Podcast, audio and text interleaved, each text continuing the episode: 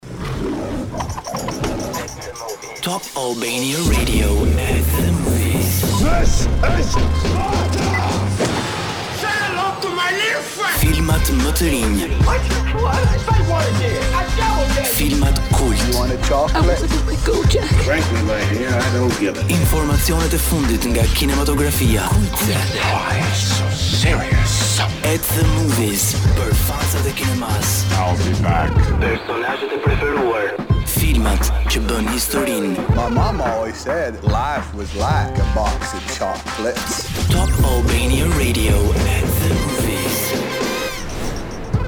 Përshëndetje të gjithëve, mirë se vini në At the Movies në këtë prag fundjave, e cila shndërrohet në një temë për uh, diskutime mbi filmat në të gjithë këtë radion, jo vetëm uh, tek At the Movies, edhe tek ju që na dëgjoni, apo jo kolege? Patjetër koleg. Jeni me mua Dean dhe Edin dhe unë e gjeta radion time të dashur duke gëluar nga debatet dhe mendimet e ndryshme dhe mendoj që kur një film arrin të krijojë një debat ku ka qëndrime të ndryshme e ka përmbushur qëllimin e tij. Okej, okay, shumë e bukur mënyra se si e nisëm sot programin se me vërtet po diskutonim uh, pafund për një film të caktuar ktuar, të cilin nuk po e zbulojmë. Dhe, dhe sinqerisht se po të ndërpres, po, po ai debat që po bëhej aty dhe nëse ju shikoni dy persona që debatojnë aq fuqishëm për një film, është një formë marketingu aq e bukur që duket aspak tendencioze, por unë personalisht që nuk e kam parë filmin për, për të cilin këta po flisnin dhe nuk dua t'jua them as juve, ëm um, do shkoj ta shikoj. Kjo që thua ti, kjo që thua ti është e pakundërshtueshme. Mendimet janë të ndryshme, po nëse flitet për diçka pa dyshim që do i shërbej për mirë marketingut. Sot ne kemi dy premiera në Cineplex dhe në pjesën e dytë të programit do të flasim për një tjetër festival i cili është zhvilluar jo pak i rëndësishëm sa i përket kinematografisë e shumë e shumë gjëra të tjera deri në fund se unë dhe Edi asnjëherë nuk rrimë të qetë, por shohim diçka diskutojmë për filma, seriale e shumë të tjera. Rikthehemi tani me premierat e Cineplex. Unë asnjëherë, me thënë të drejtën, nuk kam qenë fans i anime. Më duket se ty të kam dëgjuar të flasësh herë pas here për disa gjëra të vogla. Unë për shembull nuk kam parë pothuajse asnjëherë, mendoj. Mua më pëlqejnë filmat vizatimorë me cartoons, pra jam më shumë te kjo bota amerikane e cartoonsave, por jo anime, anime Hë për hë, po. e vetmja anime që unë e kam parë dhe e rekomandoj jashtëzakonisht shumë është Varri i Xixëllonjave që besoj të gjithë e kemi parë kur kemi qenë të vegjël. Okej. Okay. Edi, nëse s'e ke parë. okay, është një film shumë i errët edhe ka qenë ai gabimi që kemi pas bërë aso kohë që prindërit tanë mendonin që oh është një film vizatimor dhe është për fëmijë. Jo, Varri i Xixëllonjave nuk është për fëmijë. Mm. Vazhdoj të zgjohem në orën 12 të natës dhe të dridhem. Në moshën në moshën 25 vjeç nga Varri i Xixëllonjave, kështu që bëni kujdes, shikoni, lexoni si fillim interesohuni për çfarë flet filmi përpara se t'i lejoni ah, okay. vogëlushët tuaj të ulen para ekranit. Qenka si këto memet e momentit është thjesht një film, ndërkohë filmi ora 12 e natës zgjuar. Anime uh, të cilin do e prezantojmë tani titullohet Demon Slayer Kimetsu no Yaiba. To the Hashira Training, që nga titulli duket se është një anime 100%. Dua ta lexosh me atë theksin e duhur Edi, herën tjetër. Kimetsu no Yaiba? Kimetsu no Yaiba. Okej, ti je më e mirë te kjo. Ndjekim pak trailerin për të kuptuar se për çfarë bën fjalë. Çfarë do të bënit për t'u hakmarrë? Për të gjithë fansat e anime. Demon Slayer Kimetsu no Yaiba. To the Hashira Training. në Cineplexx TEG dhe QTU. Bazuar nga manga e Demon Slayer, një nga animet më të preferuara anembanë, Kimetsu no Yaiba to the Hashira Training vazhdon të ndjekë historinë e Tanjiro në trajnimin e tij të radhës për të arritur në nivelin Hashira dhe për t'u hakmarrë ndaj demonit që vrau familjen e tij. Okej, um, subjekti duket mjaft interesant. E çuditshme është që kësaj radhe kemi dy premiera të cilat kanë të bëjnë pikërisht me këtë hakmarrjen kur dikush lëndon ose dëmton njerëzit e tu të dashur, qoftë familjen, qoftë bashkëdetarët, po themi në mm, me thonjëza pa dashur ta spoilim. Po qoftë edhe atdheu, në ndonjë. Do ta spoilim, do ta prishim se na vjen direkt kjo premiera tjetër, po, po. Duket se uh, hakmarrja është një ndër gjërat kryesore pikërisht uh, në këtë premierën e dytë me të cilën do të vijojmë tani që të parën me siguri e keni parë edhe e keni pëlqyer shumë, bëhet fjalë për Dune Part 2 është më në fund gati edhe do të vijë uh, në Cineplexx bashkë me të gjithë uh, po themi atë imazhin shumë fantastik dhe cilësinë um, që është punuar në këtë film, duhet thënë se është një ndër realizimet më të mira sa i përket efekteve speciale dhe jo vetëm, por edhe vetë subjekti e thamë që ka të bëjë me hakmarrje dhe me shumë gjëra të cilat janë mjaft aktuale tani ndjekim trailerin e Dune Part 2. Çfarë do të bënit? Nëse fati i universit do ishte tërësisht në duart e tua. A do të zgjidhni dashurinë apo të ardhmen e njerëzve të dashur? Zendaya dhe Timothée Chalamet në Dune Part 2 në Cineplexx TEG dhe QTU. Timothée dhe Zendaya rikthehen si një çift i dashur për ekranin në Dune 2 dhe kësaj radhe Paul kërkon hakmarrje kundër komplotistëve që shkatërruan familjen e tij. I vendosur para zgjidhjes epike, do thoja unë, zgjedhja më e madhe epike që mund të kesh në jetë është të zgjedhësh midis dashurisë së jetës apo të luftosh dhe të mbash në këtë rast peshën e universit.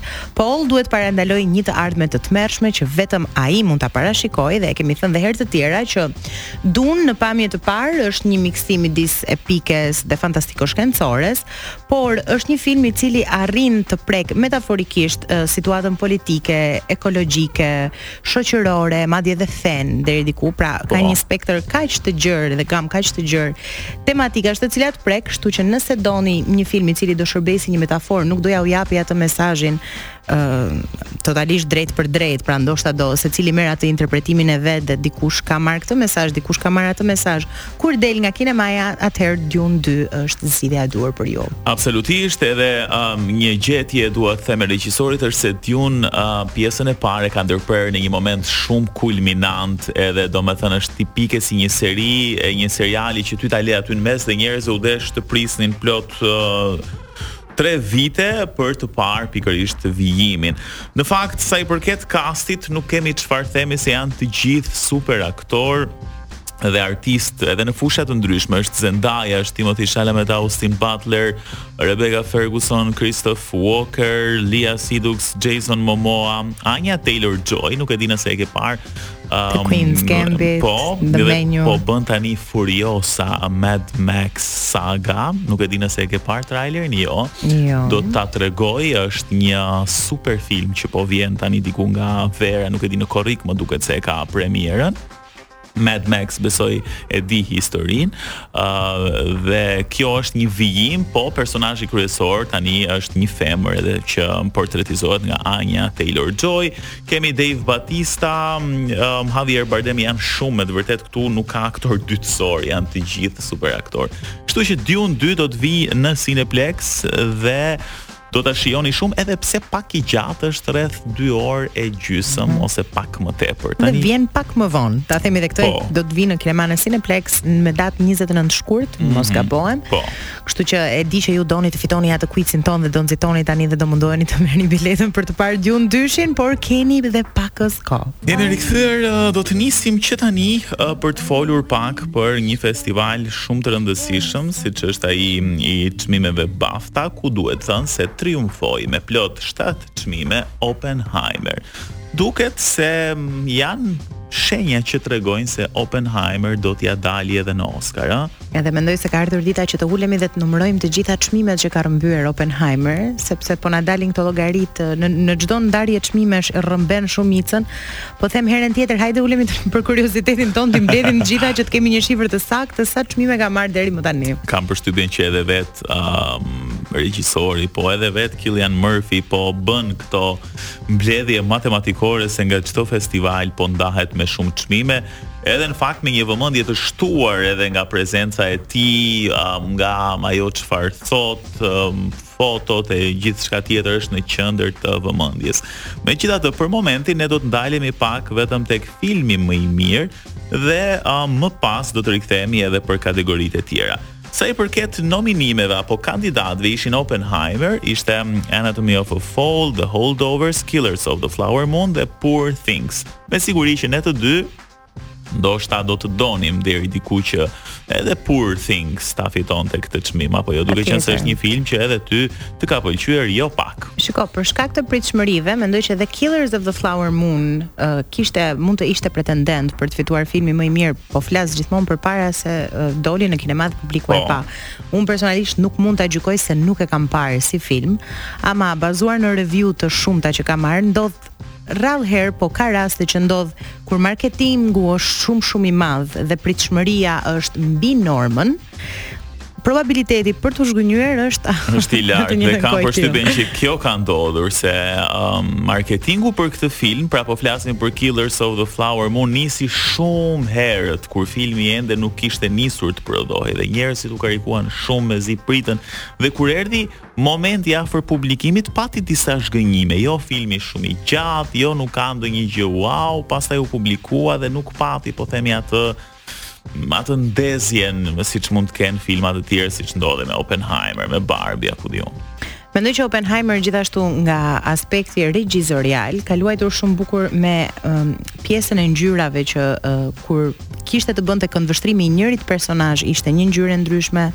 Këndvështrimi i tjetrit personazh një ngjyrë e ndryshme pra janë shumë elementë të cilët e bënë Oppenheimerin. A mori Oppenheimeri shumë vëmendje për shkak të Barbit aso kohe? Absolutisht. Patjetër, por mua po të më pyesësh mendoj që Barbi ka patur një marketing akoma më të madh se Oppenheimeri, ama ndodhi kjo të paktën për mua si audiencë, po flas totalisht si një person që shkon në kinema dhe dëshiron të shohë një film të ri, Barbi mua më zhgënjeu. Edhe unë kam të njëjtën gjë. Barbie nuk më ka pëlqyer shumë ndryshe nga Oppenheimer që më ka pëlqyer absolutisht. Megjithatë edhe tek Oppenheimer, um, vetëm kam atë, po themi pakënaqësinë e zgjatjes dhe orarit pak si shumë të gjatë dhe duhet po themi të ulesh ndoshta me dy seanca për ta parë filmin. Një gjë tjetër që unë kam vënë re uh, tek Leonardo DiCaprio Performancat e fundit të tij kanë qenë gjithmonë on top edhe shumë të përfolura, ndryshe nga Killers of the Flower Moon që pothuajse mm, po themi vetë si Leo nuk u veçua aspak në rolin e tij, madje ishin aktorë të tjerë të cilët uh, u vlerësuan më mirë, por vetë si Lily Gladstone. A është ky fundi i një epoke për këto dhe të tjera? A është ky fundi i një epoke? Nuk e di, unë kam përshtypjen që thjesht është një çështje fati, Sepse DiCaprio mua më pëlqeu shumë si aktor aty edhe pse jo ndonjë gjë e veçantë, po jemi mësuar të jetë ai që ku është ai ka një ka të bëjë roli mendoj unë. Në role të tjera ai është protagonist, shkëlqen, ka gjithmonë këtë rolin e mashkullit sharmant i po, cili po. merr vendime të menjëhershme, kurse kësaj radhe luante një rol i cili mm. ishte i pavendosur ti e ke parë filmin, po, unë me sa kam parë nga traileri, nuk ishte, ishte ndoshta në lëkurën e tij jo, të jo. preferuar jo. për të qenë. Unë thashë ai kishte bërë dhe një ndryshim a, në të folur, ishte një njeri krejt i thjeshtë mezi prisje të rrëmbente vëmendjen. Um, domethënë edhe ndoshta edhe nga vetë silueta, a, ishte një si një po themi një lloj fshatari i vogël i kthyer nga lufta. Që zakonisht ai ka vetëm role po, jashtëzakonisht. Po, atëherë mendoj që kjo ka të bëjë me perceptimin tonë si publik të si duam ne ta shohim Leon dhe ndoshta ngaqë ne e fusim tek ajo kutia dhe kësaj radhe e shohim komplet ndryshe, sikur nuk po na s'po e përtypim dot të mm, gjellën e re. Mund të jetë, mund të jetë edhe kjo absolutisht mua më perceptohet vetëm me imazhin e The Great Gatsby, vetëm luks, mm -hmm. dialogje të bukura, Aty është një gjë pak më thjesht. Për mua është Wolf of Wall Street edhe. Edhe Wolf of Wall Street, absolutisht. Mirë, shkëputemi tani dhe rikthehemi pak me kategoritë e tjera, të cilat u shpallën fituese në BAFTA. Folëm për Oppenheimer si fitues i 7 çmimeve në ceremoninë BAFTA, ndërkohë um, vetëm për kategorinë filmi më i mirë u ndalëm, teksa tani e ka radhën aktorja më e mirë. Sa i përket nominimeve ishin Emma Stone për Poor Things, Fantasia Barrino për The Color Purple, Sandra Hüller për Anatomy of a Fall, Carey Mulligan tek Maestro, Vivian Oparah tek Rye Lane dhe Margot Robbie tek Barbie. Fituesja është Emma Stone e Poor Things. Unë mendoj që dhe Margot, edhe pse filmi nuk na pëlqeu kolege, mendoj që Margot ishte e mirë në atë rol. Nuk da. nuk je dakord. Nuk dakordohem me ty kësaj radhe. Mendoj që Margot tek Babylon ka pasur performancën e jetës së saj, gjë që e kam thënë dhe në emision herë të tjera. Aha.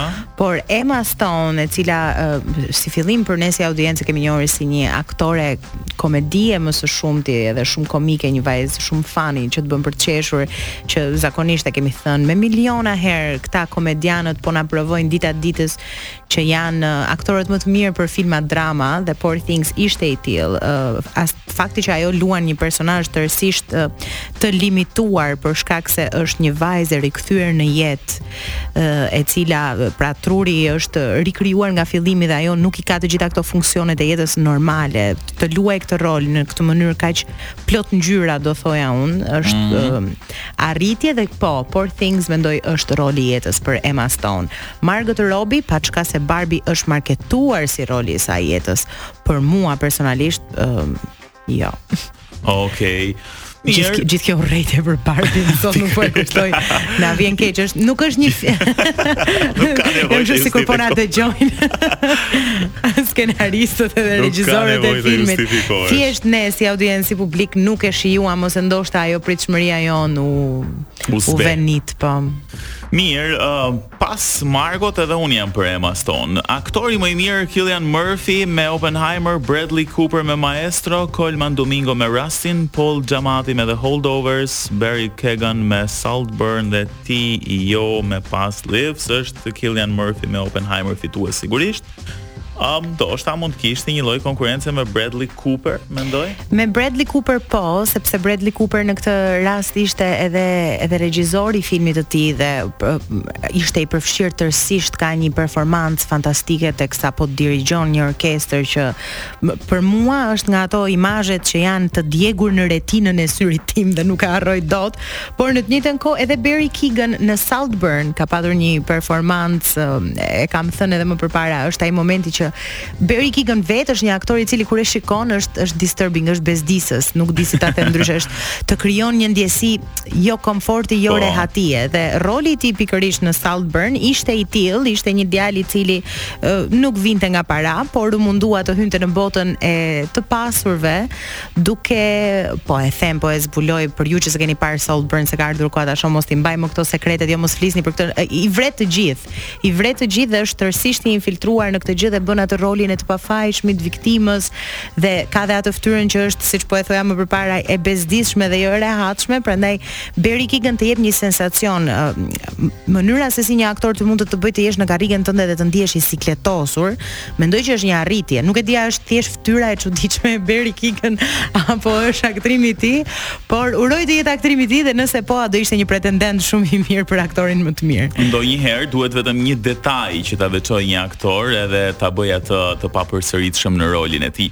Ecim pak me kategoritë pak më kryesore. Jemi tek aktori më i mirë në një rol jo protagonist apo dytësor. Është Robert Downey Jr. me Oppenheimer, Robert De Niro me Killers of the Flower Moon, Jacob Elordi me Saltburn, Ryan Gosling me Barbie, Paul Mescal me All of Us Strangers dhe Dominic Sessa me The Holdovers.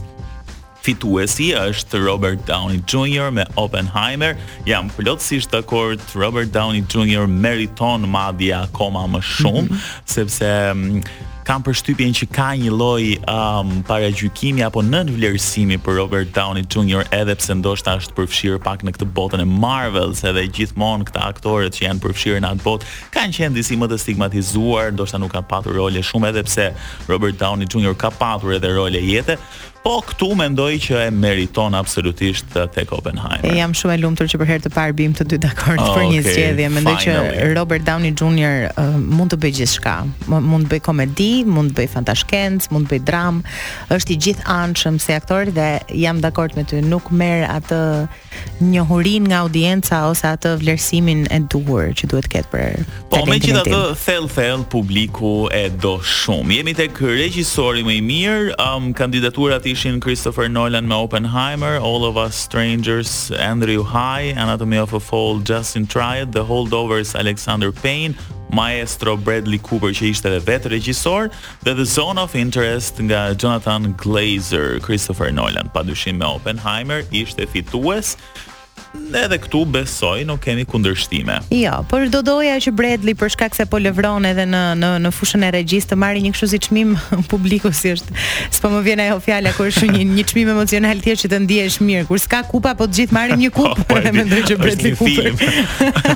Është një film shuku, nuk ka çmime dhe japin dikujt një çmim. Të gjithëve, po, është po, është është ajo ideologjia që kemi pasur në kopsht ose në shkollë që do doja shumë ta aplikojnë në njëra edhe në BAFTA ose Oscar, sepse e di, jo, jam e sigurt është një gjë që e, e them shpesh, njerëzit nuk e shikojnë çfarë pune mundi, djerse hidhet aty mbrapa.